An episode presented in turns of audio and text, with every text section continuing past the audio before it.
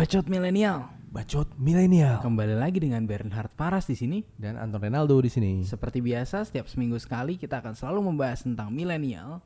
memberikan topik-topik yang hangat dan menarik untuk Iya. dibicarakan. Dan hari ini hangat sekali, Ton. Kenapa tuh? Terlalu hangat bahkan kadang-kadang. karena, karena hari ini kita akan membahas hal yang berhubungan dengan hubungan antar manusia. Antar manusia. Antar manusia. Oke. Ya boleh antar manusia milenial hari ini atau antar manusia milenial selenial boleh sebenarnya. Antar manusia gimana nih kan banyak nih hubungan antar manusia. Iya jadi kayak contohnya ya lu pacaran sama cewek lu lah itu Oh, gitu. gitu. Iya. Simpel gitu. Lu tahu gue pacaran Oh sekarang? ya tahu lah. ya tahu lah. Lo ngepost ngepost masa gue nggak tahu. Nah sebelum bahas lebih lanjut, Mhm. eh, mungkin ada baiknya nih biar pendengar tahu, Mhm. Lu boleh dong sharing kayak lu sekarang kondisinya lagi pacaran kah atau gimana kah? Ya gue memiliki teman dekat sih Ton. Teman dekat. Iya teman yang lebih dari teman tapi dekat ya. Oh. Bacot. Udah berapa lama tuh? Udah berapa lama lu pacaran? Sekarang gue sudah enam tahun. 6 tahun. Udah udah mau masuk ke tujuh tahun ini. Sejak SMA itu? Enggak dong kuliah gue. Eh sejak kuliah? Kuliah. Kuliah semester 3 kali ya. Semester Nah, lo, lo dari kapan lo?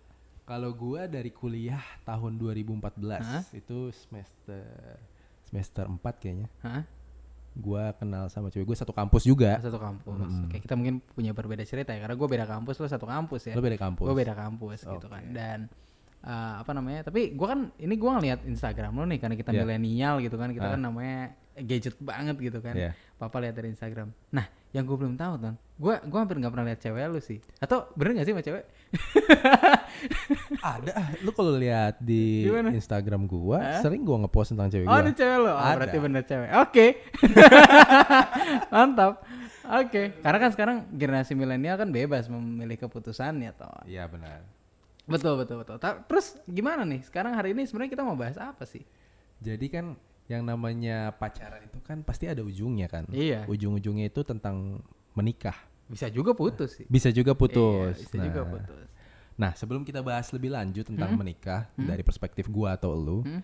eh, ada nggak nih fakta-fakta tentang pernikahan tentang mili- eh, yang berhubungan sama milenial? Sebelum masuk ke fakta, kita harus set dulu judulnya, Ton. Oke, Judul dari podcast ini adalah apa tuh? Nikah Muda itu nafsu apa urgensi? Anjay. Gitu dong. Provokatif banget Iya judulnya. dong, lu karena nafsuan terus nikah apa karena emang penting nih, emang perlu gitu. Emang karena lu udah mempersiapkan itu. Karena lu mau atau lu karena lu butuh, ini sih gitu. Nah, Kalau- Kalau Benhard karena nafsu atau urgensi? oh karena gue punya plan. Oh, lu punya Jadi ini plan. bukan karena nafsu, ini karena urgensi dan agama gue mengajarkan gue untuk menikah. Karena Asik. itu ibadah. Asik, siap. Gitu. Jadi gue kelompok urgensi, lo kelompok nafsu nih. Loh, kan biar terbagi dua. Biar terbagi dua. Oh, enggak ya, enggak ya. Enggak harus gitu ya. Enggak harus gitu. Oke, next. Tadi fakta-faktanya ada apa aja sih sebenarnya nikah muda ini, Ton? nah ini menarik banget nih. Jadi EY Hmm? bikin eh, penelitian Hmm? kalau remaja atau milenial di Amerika itu rata-rata cuman 38% yang udah menikah. Oke. Berarti eh, 72 persen ya enggak ya? 62. Eh sorry, 6, 62 persen. Iya, Bukan tidak sih, 62%. tapi belum belum belum, menikah. nikah ya. Ha-ha. Mungkin belum dapat jodohnya juga tuh. Mungkin nggak bisa kita salahin Iya. juga. Jodoh bukan tangan, di tangan Iwa ya soalnya. Jodoh di tangan kita dan Tuhan. Iya iya iya. Jadi 62% tuh belum nikah ya. Belum Tapi nikah. itu kenapa ya menurut lo belum nikah tuh kenapa? Banyak faktornya sih. Hmm. Tapi kita masuk dulu nih ke fakta kedua. Oke, boleh. Nah, ini juga menarik. Usia menikah rata-rata Hmm. Itu jauh meningkat dibanding tahun 1900-an. Oke, Kalau di tahun-tahun saat ini, cowok itu rata-rata menikah umur 29 tahun. 29 tahun. Kalau Oke. cewek itu 27 tahun, cuy. Oke, berarti kalau MT udah jadi manajer lah itu ya. Cowoknya. Semoga. Semoga. kalau lulus artinya. Nah, Oke. itu peningkatannya drastis banget. Soalnya tahun 1900-an Hmm? itu cowok itu umur 22 tahun rata-rata udah nikah dan Oke. cewek itu umur 20 tahun Berarti udah beda menikah. 7 tahun ya. Berarti apa nih yang terjadi sampai iya. cowok dan cewek meningkat 7 tahun Iya. eh, usia rentang Dan bahkan menikahnya? tuh sama ya, cowok sama cewek 7 tahun rentangnya ya. Iya, Iya, menikah iya. 7 tahun. Berarti kan ada alasan di balik itu kan? Pasti pasti. Jadi kalau menurut lo sendiri kenapa alasannya? Banyak sih. Kayak salah satu faktornya itu masalah eh, misalnya finansial. Hmm. Kalau zaman dulu mungkin untuk bisa mendapatkan pekerjaan setelah lulus atau lu nggak usah sekolah pun Hmm. untuk bisa dapat pekerjaan itu lebih mudah aksesnya mungkin. Iya, iya, iya. Nah, Dan apalagi populasi manusia juga sekarang populasi meningkat manusia, drastis ya, gitu kan. Waktu itu mungkin belum banyak populasinya, Iya, belum iya. sebanyak sekarang, sorry. Iya, iya. Nah, Jadi selain dapat pekerjaan juga, mungkin juga sekarang standar hidup lebih tinggi. Standar hidup lebih tinggi. Terus habis itu ngelihat teman-temannya nikahnya mewah, masa nikahnya harus biasa aja. Hmm. Belum kita mempertimbangkan ada tradisi dan Nah. lain-lain kan. Belum lagi faktor misalnya untuk menikah kan kita butuh tempat tinggal. Iya, betul. Nah, kalau lu lihat sekarang kan rumah makin bubble harganya, Hmm, makin gila-gilaan. Gila-gilaan ya. Nah. Ya lu mau mau KPR aja karena nggak nggak nggak sanggup Nggak gitu sanggup. dengan gaji pertama lu dari fresh grad tuh susah. Ya, eh. Iya. Belum lagi faktor yang misalnya rumah yang paling murah eh, jauh dari ibu kota. Iya.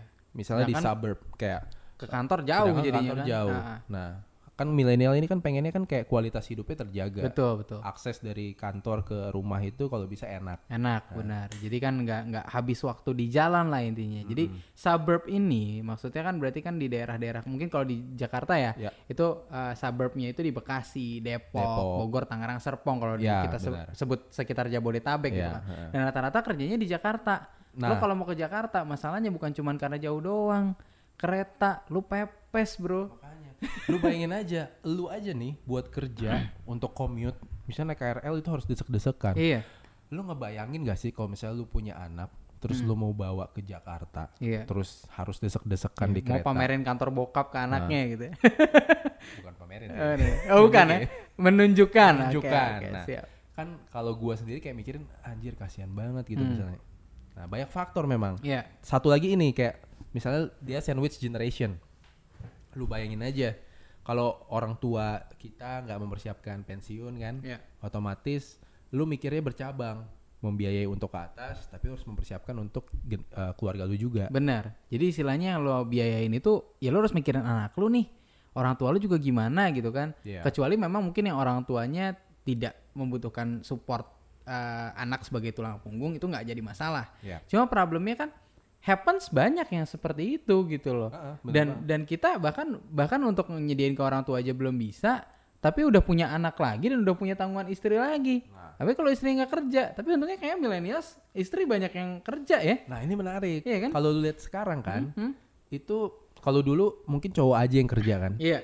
Sekarang dengan ada emansipasi wanita, terus Betul. juga feminisme, feminisme, gitu kan. woman at work. Iya, bahkan kalau misalnya kita ke mall adanya ladies parking ya. Oh, Nggak ada boys parking Boys gitu. parking nggak ada. Nggak ada. Malah boysnya itu kebanyakan oh ya udah ceweknya pura-pura disuruh nyetir Betul. buat parkir di ladies parking. Iya, nanti kalau itu kita bisa bahas lebih lanjut di show-nya Ladies and Gentlemen itu. lanjut bacot milenial. Nah, ini ada fakta selanjutnya. Iya, heeh. Dengan em, umur yang menikahnya itu lewat, Hmm. otomatis juga milenial siap punya anaknya itu nggak di umur 20-an lagi, Iya, bahkan tapi yang di usia 30-an. 30-an. Hmm, hmm. Nah, Dan dan itu itu berdasarkan uh, riset dari IWA ya. riset dari yang EY. yang Nah. 30-an itu ya. Dan bahkan gini loh, Ton. Ngomongin soal punya anak aja ya. Ada beberapa teman gua bahkan dia nggak mau punya anak gitu. Karena populasi udah makin banyak, jadi dia pengennya lebih baik gua kayak ngangkat anak aja deh dibanding gue punya anak gitu. Jadi memang mungkin concern-concern sosial pun sekarang sudah makin tinggi kan. Iya. Kita punya akses untuk dapat informasi juga makin mudah gitu kan karena kita milenial. Nah, jadi yang dulu kayak oh lo nikah berarti harus punya anak, sekarang ada mindset-mindset baru nih. Nikah kayak gue pengen ngambil anak dari yang panti asuhan aja karena Iya. istilahnya uh, dunia udah terlalu padat dan masa gue egois apa gimana? Ada beberapa orang yang berpendapat segitu. Walaupun Hmm. Exactly. gue sendiri gue masih lebih setuju gue melahirkan anak dari istri gue sih. Nah, kalau lu gimana? Planning lu untuk menikah itu udah ada tergambar sejak umur lu berapa sih atau baru saat-saat ini aja? Oke, sebenarnya kalau nikah, gue ngomongin sama pasangan dulu sih. Gue ngomongin sama pasangan. Udah pernah? gue. Udah pernah ada? Udah dong. Oh, Oke. Udah dong. Kan gue karena urgensi bukan karena nafsu. Terus gimana? Mungkin lu bisa sharing kayak Iya. perspektif lu sebagai milenial. Iya, iya, Kayak iya. gimana sih tentang menikah? sebenarnya gue tadinya pengen nikahnya cepet aja. Oke. Cuman kan pas udah dijalanin, ternyata kita juga banyak program-program yang ingin gue ikutin ya. Kayak contohnya program duta pariwisata atau program pertukaran pelajar lalala itu yang nggak bisa lo nikah dulu. Oke, berarti bisa kita simpulin salah satu faktornya ini adalah ambisi pribadi ya. Ambisi pribadi juga iya sih. Maksud gue ya itu mungkin gue Harus juga selesai dulu ya. itu juga akan egois kalau misalnya gue nikah terus gue masih berambisi ke situ. Karena Oke. itu ambisi personal. Itu udah tidak bersama lagi menurut gua gitu loh ambisinya. Dan sampai lu mikirnya kayak jauh gitu nggak kayak gue harus uh, menyelesaikan ambisi gue dulu karena ini akan ber- berdampak ke kualitas hidup begitu gue udah menikah. Iya. Lu sampai mikir ke situ nggak? Iya dong, gua gua tuh pengen nikah bahkan di umurnya 27 28 sih sekarang. Awalnya tadi gue pengen cepat, cuman ternyata cewek gue juga menginginkan hal yang sama karena kita harus nyiapin uangnya dulu. Kita harus nyiapin yang lain-lainnya dulu gitu kan. Pokoknya harus disiapin dengan matang dulu lah. Jadi kita habiskan egoisme kita dulu, barulah kita mulai yang ini yang tujuan kita bersama loh gitu. Kalau lo sendiri gitu? Kalau gue pribadi beberapa faktor itu cukup kompleks sih. Salah Hmm. satunya finance nih. Oke. Karena kondisinya adalah gua sandwich generation Ya. dan harus support orang tua gua dan Ya. adik gue yang masih sekolah. Mm-mm. Tapi juga cewek gua kondisi juga sama. Oke. Dia harus kerja karena orang tuanya udah nggak kerja dan harus support keluarga dan adiknya juga yang Sama masih banget di situ. Sama. Karena gua sama-sama anak pertama. Oke. Eh, tapi kan dari tadi kita ngomongin sandwich sandwich nih. Ya. Ini orang mikirnya makanan nih, Ton. Oke. Jadi sebenarnya sandwich generation ini apa? Dari terminologinya kan sebenarnya jelas. Sandwich ini kan uh, ada roti yang mengapit daging atau isinya. Hmm. Kita dagingnya. Nah, kita dag- istilahnya tuh kita dagingnya lah yang Oke. diapit oleh dua generasi nih. Oke. Yaitu misalnya orang tua kita yang harus kita Ya. biayai Ya. Dan eh, keluarga yang harus kita nafkahi juga. Iya. Gitu. Iya. Nah, dan kita berdua ini kan punya pasangan yang akan menikah nih. Ya. Jadi kalau menurut lo nikah itu penting gak sih? Harus gak sih nikah? Kalau nikah sih sejauh ini dengan value yang gue punya baik dari agama atau tradisi dan keluarga, yang menikah itu penting. Hmm. Itu wujud dari komitmen lu untuk membangun sebuah keluarga. Iya. Kalau dari lu gimana? Kalau gue juga penting banget karena menurut gue tuh nikah tuh bukan cuma masalah lo jadi bisa sama cewek lo tiap hari, Ya. tapi lo bisa ngedukung satu sama lain dan bisa ngebuat sesuatu yang tadi ya lo cuman kerjain sendiri, tapi bisa jadi bareng-bareng. Dan gue tadinya jujur gue nggak setuju dengan konsep kayak lo kerja bareng cewek lo atau lo bikin sesuatu dengan cewek lo gitu kan, maksud gue ya semua harus bisa lah pacaran pacaran aja kerja kerja aja gitu kan. Tapi makin ke sini ya kita kan mau bareng-bareng nih mau wujudin so- semuanya bareng-bareng ya kita harus kolaborasi nih gimana cara baginya karena udah nggak ada lagi namanya tujuan kayak ini tujuan gua nih tujuan lo harus jadi tujuan bareng-bareng buat gue sih kayak gitu Benar banget. Dan kita bukannya mendiskreditkan pendapat yang lain ya. Iya, Maksudnya kalau kita oke kita pengen menikah memang. kita menikah tapi, Tapi kalau yang nggak apa-apa. nikah juga nggak apa-apa. Iya. Istilahnya itu kan perspektif orang beda-beda. Iya. Pasti mereka punya alasan masing-masing. Iya, betul. Nah, dan memang kalau misalnya kita ngomongin soal menikah, Ton. Menikah itu banyak constraint-constraintnya.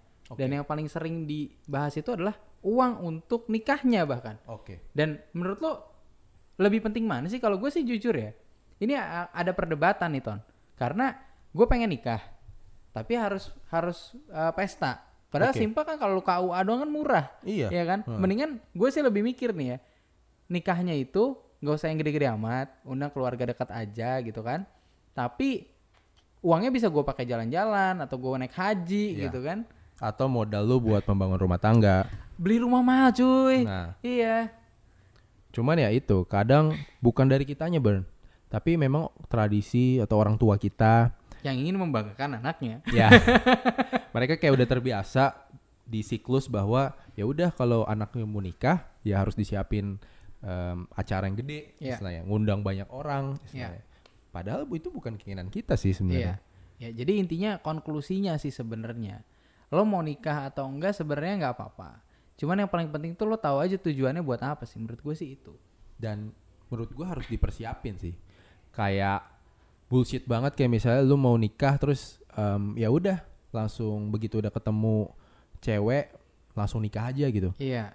Karena Kayaknya nikah tuh komitmen nih. Gak bisa sesimpel itu cuy. Iya. Karena lu begitu nikah, lu bayangin lu harus hidup sama eh, sesosok orang untuk bertahun-tahun, berpuluhan tahun, bahkan sampai akhir hayat lu. Iya, lo ketemu dia tuh tiap pagi pas dia baru bangun dan dia belum ngapa-ngapain, Iya. belum make up, belum apa, sampai tidur gitu. Jadi Dari, harus dari lu muda, dari lu punya energi, Iya. sampai lu nggak bisa ngapa-ngapain lagi selain ngobrol. Iya dan ma- makanya itu menurut gua penting itu pacaran. Pa- pacaran itu maksudnya bukan bukan lo harus yang nafsunya ya. Iya. Karena gue bukan kelompok Bukan- nafsu di bukan di sini. situnya. Tapi lebih mengenal satu sama lain. Mungkin bukan pacaran bahkan. Lu nggak pacaran nggak apa-apa. Iya. Tapi lo itu kan terminologi aja sih iya lo Nah, harus tahu kayak kekurangannya dia apa, kelebihannya dia apa agar saat lu menikah lo tidak menyesal gitu ya, loh. Benar. Itu sih kalau. Terutama kayak lu bertukar gagasan sama dia, pikiran sama dia, nyambung gak nih? Iya. Nah, itu sih yang menurut gue yang paling penting dari esensi entah itu pacaran atau whatever terminologi yang lu buat itu sih intinya. Betul banget. Nah, itulah penghujung podcast kita hari ini ya. Jadi intinya kalau menurut gue kembali lagi refleksi diri planning hidup lo tuh seperti apa pengennya. benar. Dan untuk podcast selanjutnya kita bakal ngebahas apa tuh? Untuk podcast selanjutnya uh, mungkin coba kita refleksi dari empat episode yang udah kita buat Iya, nih. iya, iya. Kita bahas tentang teknologi dan milenial Udah. udah. Terus kita bahas tentang karir, Udah. Udah. Definisi milenial secara lengkap udah. udah. Setelah karir kita bahas tentang bagaimana cara ngatur duit, Betul. udah. Kemudian kita bahas tentang hubungan Hubungan, uh, percintaan, percintaan. pernikahan milenial, Iya, udah. udah. Kayaknya selanjutnya kita perlu masuk ke market baru nih, Bern. Oke. Kalau kita bahas karena ada beberapa uh, message yang masuk ke gua, Hah? kayak misalnya Duh, kok bahasnya jauh-jauh banget sih? Udah sampai ke karir juga, Udah penikah kan. menikah Ah, juga ah. gitu. Kan ada nih milenial yang masih kuliah Iya, atau iya. milenial yang masih sekolah Iya, gitu iya. kan. Gimana kalau kita bahas tentang edukasi ataupun gimana sih mempersiapkan pendidikan buat milenial? Siap. Oke, jadi akan kita bahas tentang pendidikan gimana dan gue akan sharing sama Anton gimana caranya agar lo istilahnya tepat lah memilih pendidikan lo ya. Siap. Siap.